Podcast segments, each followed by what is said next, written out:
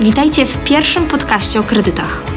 Prosto i po ludzku mówimy o tym, jak dostać kredyt i o czym musisz pamiętać, jak już go masz.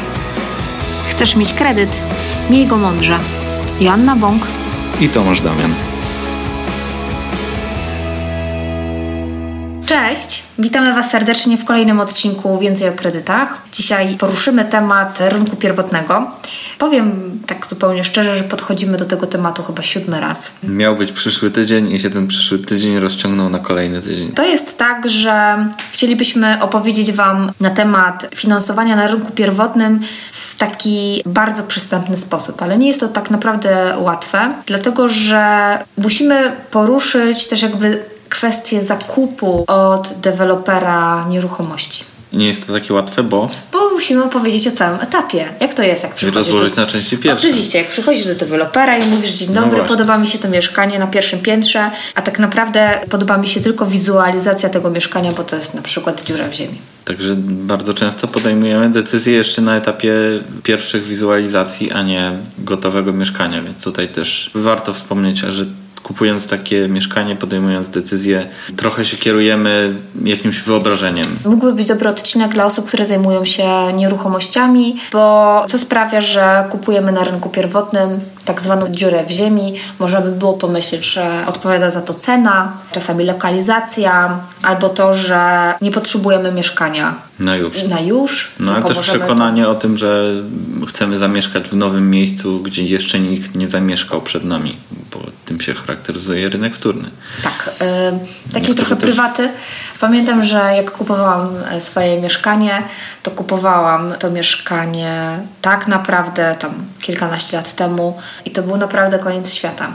Jak dzisiaj tam jeżdżę, zdarza mi się raz na jakiś czas tam podjechać, to myślę sobie, że to faktycznie jest sypialnia gdańska, ale jest tak niesamowicie rozbudowana, że te wspomnienia sprzed tamtego czasu i co mnie kierowało, żeby kupić właśnie w tamtej lokalizacji i takie mieszkanie, Coś to, innego niż cena?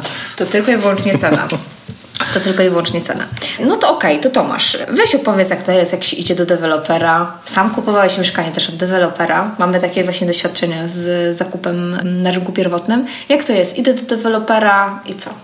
Zresztą to ty masz teraz dużo tematów na rynku pierwotnym. No mam więcej transakcji i też powiedzmy, że trochę z innego procesu niż e, dotychczas, jeżeli chodzi o sposób nabywania od tego dewelopera, ale to zaraz. Wizyta u dewelopera, no ja się kierowałem miejscem, lokalizacją tą, którą chciałem nabywać, jakąś wiedzą na temat tego dewelopera. Jakąś, czyli od dwóch, trzech osób zdobytą informacją zwrotną, jak im się mieszka w tych inwestycjach, które budował ten deweloper. I szczerze mówiąc, na każdą jedną inwestycję znajdzie się pewnie kilka uwag osób, które z różnymi sytuacjami się spotkały, jeżeli chodzi o ich mieszkanie albo klatkę składową czy garaż, który został tak czy inaczej zrobiony. Tych powiedzmy, że jakichś poprawek czy tego rodzaju rzeczy się chyba zdarzają się na każdej inwestycji i to nie ma znaczenia za jaką kwotę jest kupowana ta nieruchomość. Czy to jest lokalizacja, która jest stosunkowo tania, czy bardzo luksusowa. Przymierzmy się w takim razie do procesu kredytowego odnośnie przygotowań. W jakim momencie co trzeba zrobić i jak, jak to wygląda? Bo jesteśmy u dewelopera, rozmawiamy o lokalizacji, o nieruchomości, o lokalu, o domu, który nabywamy, chcemy nabyć i po wybraniu tego właściwego lokalu dochodzi do podpisania umowy rezerwacyjnej Z deweloperem. z deweloperem. Taka umowa może mieć od razu formę tak zwanej umowy deweloperskiej, czyli zawarcie tej umowy o rezerwację tego lokalu następuje przed notariuszem, jest spisywany akt notarialny, albo po prostu jest spisana umowa o rezerwację, taka cywilnoprawna, bez specjalnej formy tego, tej obecności notariusza. A następnie przewidywane jest w takiej umowie zawieranej cywilnoprawnej, że kolejnym krokiem, czyli najczęściej po jakimś czasie, kilku tygodni i otrzymaniu pozytywnej informacji z banku, jest dopełniana taka umowa tą, tą kolejną formą umowy przed notariuszem. I tak naprawdę po podpisaniu tej pierwszej jakiejkolwiek formy umowy musi dojść do złożenia wniosków. Potrzebujemy pobrać od dewelopera dokumenty, które będą nam potrzebne do złożenia wniosku.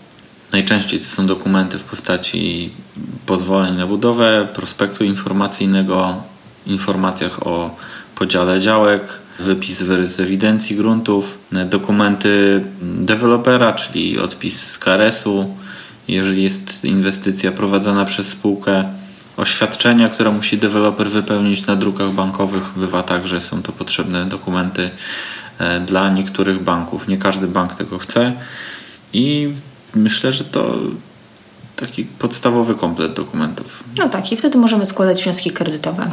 I możemy z pełnym wnioski. kompletem dokumentów. Oczywiście nie mówimy tu też o finansowaniu samym w sobie, e, to znaczy o jakby o zdolności kredytowej. Natomiast jeśli chodzi o dokumenty deweloperskie, to tak, to jest wszystko.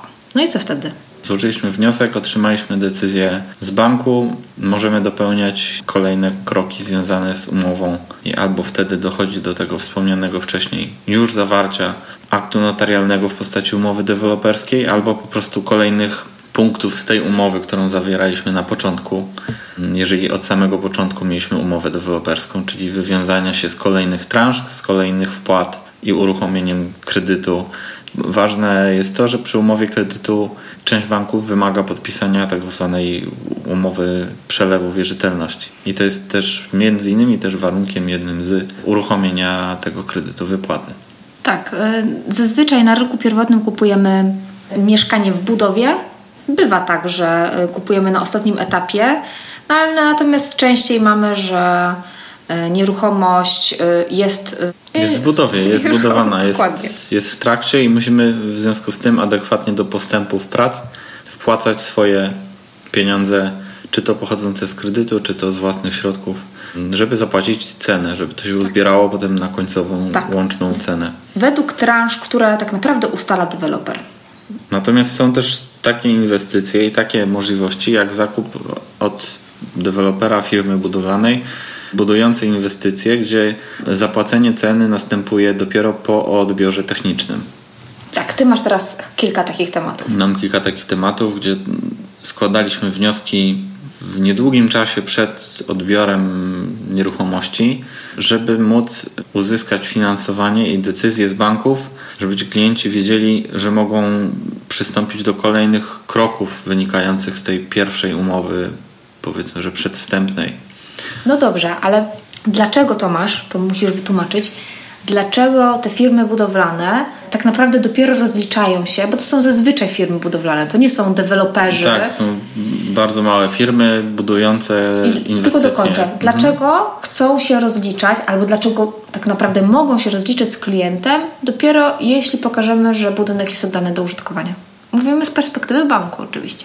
Bo nie mają rachunku powierniczego. Kropka. Kropka. No dobrze. Chociaż y, mam też taki przypadek, że jest rachunek powierniczy, ale i tak firma nie wymagała płatności wcześniej niż przed odbiorem. Mhm. Robimy też y, wypłatę wcześniej, jest taka też ciekawa sytuacja. W trakcie budowy, jeszcze przed odbiorem, grubo przed odbiorem, bo, bo na wiosnę dopiero jest odbiór, a, a my już teraz chcemy uzyskiwać kredyt, składać, dokończyć y, proces kredytowy, wypłacić ten kredyt, zapłacić jakieś pierwsze pieniądze deweloperowi, ale to jest wyjątkowa sytuacja i też ciekawy przypadek. Reasumując, bo trochę powiedzieliśmy o umowie deweloperskiej, trochę coś powie było powiedziane o rachunku powierniczym. Chciałabym, żebyśmy dokładnie wytłumaczyli co i jak, mhm. ale musimy podsumować, co powiedzieliśmy. Na rynku pierwotnym możemy kupić od takiego dewelopera, który jest znany na rynku, który buduje tych nieruchomości wiele i często jest tak, że sprzedaje albo nieruchomości e, z tak zwanej dziury w ziemi, czyli dopiero jak rozpoczyna budowę, albo wtedy, gdy jest na przykład, nie wiem, stan zaawansowania surowy zamknięty i jak najbardziej banki to akceptują, Powiem za chwilę o wyjątkach, ale też jest druga możliwość kredytowania jakby y, możemy kupować nieruchomości od takich firm budowlanych, które w ogóle nie są deweloperami, ale kupujemy na rynku pierwotnym. A rynek pierwotny się tym charakteryzuje, że na przykład nie płacimy podatku. Tak, 2%. to jest podstawowa różnica w koszcie. Finansowa mhm. i kupujemy nieruchomość, która nigdy nie była wcześniej zamieszkana. I teraz tak, zaczęliśmy w ogóle mówić o umowie mm, deweloperskiej. Ja bym chciała powiedzieć, kiedy w ogóle to weszło w życie, bo w 2011 weszła taka ustawa, została podpisana, a ona weszła w życie w 2012, że jak najbardziej zabezpieczamy nabywców przed sytuacjami, że deweloper sprzedaje nieruchomość tą samą kilku osobom. Dlatego ta umowa deweloperska, która jest podpisywana właśnie u notariusza, zresztą y, koszt jej jest pokrywany po połowie przez dewelopera, po połowie przez kupującego, ma chronić y, nabywcę przed właśnie takimi nierzetelnymi deweloperami. To jest jedna rzecz. Druga rzecz jest też taka, że deweloper ma obowiązek założyć rachunek powierniczy dla danej inwestycji. Rachunek powierniczy jest to takie konto, gdzie każdy kupujący ma swoje subkonto, zupełnie inny numer, na które są wpłacane pieniądze, czy z wkładu własnego, czy z kredytu, według transz i według postępu pracy. Deweloper może mieć założony rachunek otwarty lub rachunek zamknięty. To tak naprawdę zależy od tego, od banku, który daje, jakby który zakłada ten rachunek deweloperowi. Otwarty jakby charakteryzuje się tym, że deweloper otrzymuje środki e, i może w ogóle dysponować tymi środkami według postępu pracy. Jeśli wywiązuje się ze wszystkich transz całego właśnie po tego postępu prac e, według całej inwestycji, to no, co tam kwartał, co tam dwa miesiące, co cztery miesiące, w zależności od tego, jak jest to ustalone, otrzymuje te środki. Dla kupującego jest to pewność, że te transze są realizowane w terminie. Natomiast jeśli deweloper ma rachunek zamknięty, założony, to oznacza, że te pieniądze dopiero otrzyma po zakończeniu, po wybudowaniu całej inwestycji. I ty teraz masz taki temat. Teraz są takie. Słuchałeś to co mówię. tak, i, i te rachunki są po to, żebyśmy w, w dużym skrócie nie zostali z kredytem i bez nieruchomości, żeby mobilizować dewelopera do postępów na budowie, postępów prac. Ale jedno to jest to, że mam e, teraz taki przypadek, że mam z takim rachunkiem zamkniętym inwestycje, a drugie to, że mam też inwestycje, które są bez rachunków powierniczych prowadzone. W ramach tego procesu, o którym mówiliśmy, w ramach tego kupna i z płatnością po oddaniu do użytkowania. Jasne. Natomiast w sytuacji, kiedy budynek jest oddany do użytkowania, umówmy się, jakby nabywca ma największe poczucie bezpieczeństwa, że wszystko będzie ok. Tak czy nie? No, no tak. No tak. Znam y, sytuację i to jest taka, mam, mam znajomą, która kupiła nieruchomość jest rachunek założony otwarty i w pewnym momencie bank, który kredytuje tego dewelopera, powiedział, że nie zgadza się z tymi transzami i po pierwsze nie wypłacał deweloperowi środków z jakichś tam swoich przyczyn, tak? E, przez co były bardzo duże opóźnienia w realizowaniu inwestycji, bo deweloper nie dostawał tych pieniędzy. Jak się już dogadał z bankiem, jak według po prostu planu wybudował tą inwestycję, to teraz ma problem z odbiorami, więc ludzie czekają tak naprawdę już rok na nieruchomość. Rok temu miał być odbiór, no i to też jest inwestycja w Gdańsku, więc proszę e, pamiętać, że tak jak rynek wtórny ma ryzyko w zakupie, tak samo rynek pierwotny. Czyli to, że zmiany ustawowe nastąpiły, to nie znaczy, że jest 100% gwarancji tego, że ze spokojem możemy zawsze czekać na realizację, tak jak tak. jest to wstępnie ustalone. Tak, tak. Zawsze jest jakieś ryzyko. Zawsze jest jakieś ryzyko. No dobra. Mamy. Powiedzieliśmy o umowie e, deweloperskiej, powiedzieliśmy o rachunkach powierniczych, powiedzieliśmy, jak to jest, jak to wygląda, jeśli chodzi o zakup e, i od takiego dużego dewelopera, i od takiej e, małej firmy, małej firmy budowlanej. I teraz możemy opowiedzieć Wam trochę o różnego rodzaju wyjątkach, bo oczywiście to nie jest tak, jak, jak klienci czasami pytają, o daną sytuację, to ja zawsze mówię, to zależy. Bo tak naprawdę jest tak dużo zmiennych, y, które banki, y, które chcą kredytować dane nieruchomości y, lub nie chcą. No to czyli, czyli powiedzmy o tym, które banki nie chcą kredytować jakiej, jakich formy inwestycji? Przede wszystkim rynku pierwotnego, takiego w budowie, nie chce kredytować PKO Bank Hipoteczny. To jest to PKO pisane fonetycznie, a także City handlowy. Natomiast City będzie kredytował tą sytuację, o której Tomasz powiedział, czyli jak budynek jest oddany do użytkowania. Czyli deweloper już oddał inwestycję i City mówi: OK, masz 20% wkładu własnego, nie ma problemu, możemy ci to skredytować. Jedna rzecz. Druga rzecz, rachunek powierniczy. To jest coś, co my, o, o, czym ostatnio mocno żyjemy. Mam kolejne, kolejnego klienta. Czyli są takie inwestycje, gdzie mimo, że skala inwestycji jest duża, mimo, że weszła w życie ustawa rachunkach powierniczych, to i tak dana inwestycja jest realizowana jako tak zwane przedsięwzięcie dewelopera, deweloperskie. I każdy etap, każdy, to, to przedsięwzięcie deweloperskie jest podzielone na etapy i na przykład ogromna, wielka działka jest podzielona e, na budowę, na zabudowanie jej na tam powiedzmy 20 lat, bo mniej więcej tak to wygląda. I wybudowanie poszczególnych, nie wiem, dwóch bloków to jest jedna mała inwestycja, i w ramach tej małej inwestycji deweloper nie otwiera rachunku powierniczego. I co teraz? No i teraz mamy mniejszą ilość banków, które ewentualnie zgodzą się na sfinansowanie tego. Bardzo do, mocno ograniczone ilość banków, bo są to, to Santander, PKSA, Millennium, Millennium, jeżeli jest stan zaawansowania prac duży i, I tak naprawdę indywidualnie jest to rozpatrywane ING, jeśli będzie 90%. E, tak, i tak naprawdę oddanie do użytkowania, tak. I nikt więcej.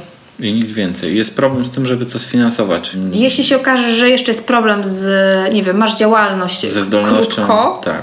Tak, to okazuje się, że e, to też za... jest dodatkowy tak. problem z uzyskaniem. To, to, nie w Zawerza każdym banku ci się tak ilość jest, banków. Tak jest, dokładnie. Czyli nie każdy kredytuje rynek pierwotny, nie każdy kredytuje dziurę w ziemi. Jest tak, że bank sprawdza w ogóle inwestycje, sprawdza, czy ten deweloper jest wiarygodnym deweloperem, czy jest na liście deweloperów. Tak ma na przykład Santander, tak ma też Millennium i warunkuje uruchomienie kredytu względem zaawansowania pracy. Czyli musi być jakiś postęp prac, muszą być ściany nad Na przykład nad 30% tak, Czyli fundamenty zrobione wyprowadzone nad ziemię. To jest wtedy jakiś ogólny wyznacznik e, tego postępu minimalnego, tych 20-30%.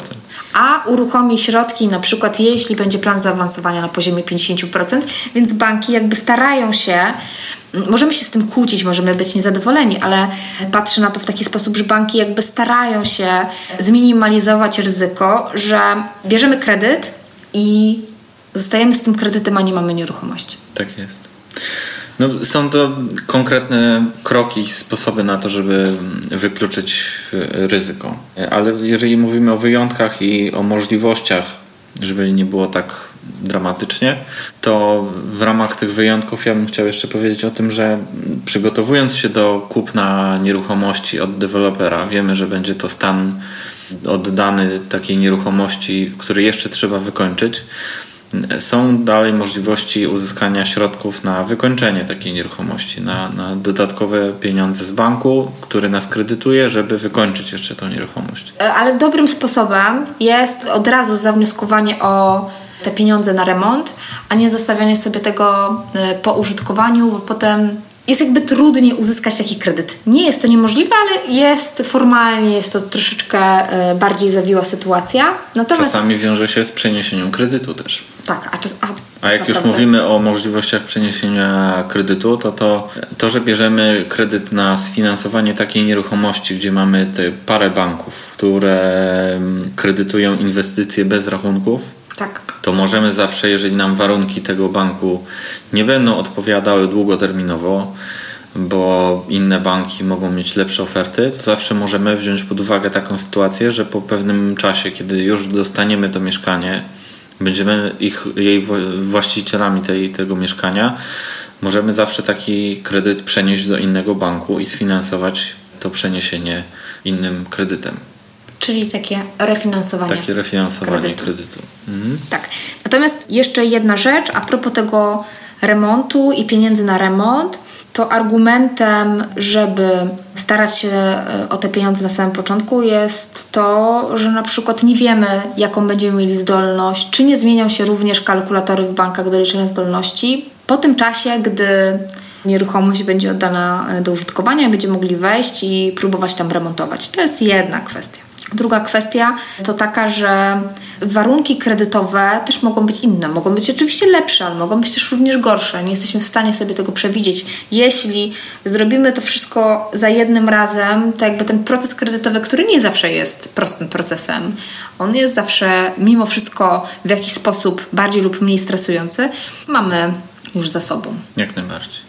Coś e, możemy dodać? Tak, ja bym dodała jeszcze o tym kosztorysie bo to jest istotne. A, kosztorys do wykończenia. Tak, mhm. Bo składając wnioski o remont dodatkowo, musimy uzupełnić druk kosztorysu, w którym wypiszemy dokładnie, co będziemy robić. Te kosztorysy oczywiście różnią się, bo w jednych jest jakby dowolność i to my zapisujemy, że chcemy, nie wiem, pomalować, chcemy zrobić podłogi, chcemy wstawić drzwi, zrobić sobie zabudowę, a inne e, druki mają dokładnie określone prace i to my wybieramy z tego kosztorysu, jakie prace chcemy. Co jest istotne, wkład własny jest liczony od wartości przyszłej, czyli zakup mieszkania jest za 400 tysięcy, chcemy e, sfinansować dodatkowe 100 tysięcy na remont, czyli wartość nieruchomości będzie ta przyszła 500 tysięcy po wybudowaniu, mniej więcej. Przynajmniej mniej więcej. Mniej więcej, mhm. bo to nie do końca tak jest, że 1 plus 1 jest 2 przy wycenie nieruchomości, ale powiedzmy, że to jest 500 tysięcy i właśnie od tych 500 tysięcy musimy policzyć wkład własny, więc y, jeśli to będzie tylko 10%, to jest to 50 tysięcy, a nie jakbyśmy zakładali na samym początku 40. Klarowne. Nie zagmatwałam? Wszystko dobrze powiedziałam, Tomaszu? Tak, wszystko jest jasne. Ja myślę, że, że tak, a jeżeli macie jakieś pytania do tego, co Wam przed dzisiaj przedstawiliśmy, zawsze możecie się z nami skontaktować, jak to zawsze mówimy, na Messengerze, mailem lub po prostu wybrać do nas telefon. Bardzo dziękujemy. Następna rozmowa będzie o budowie domu. Już się cieszę. No tam będzie się działo. Dzięki wielkie, do usłyszenia. Dzięki bardzo.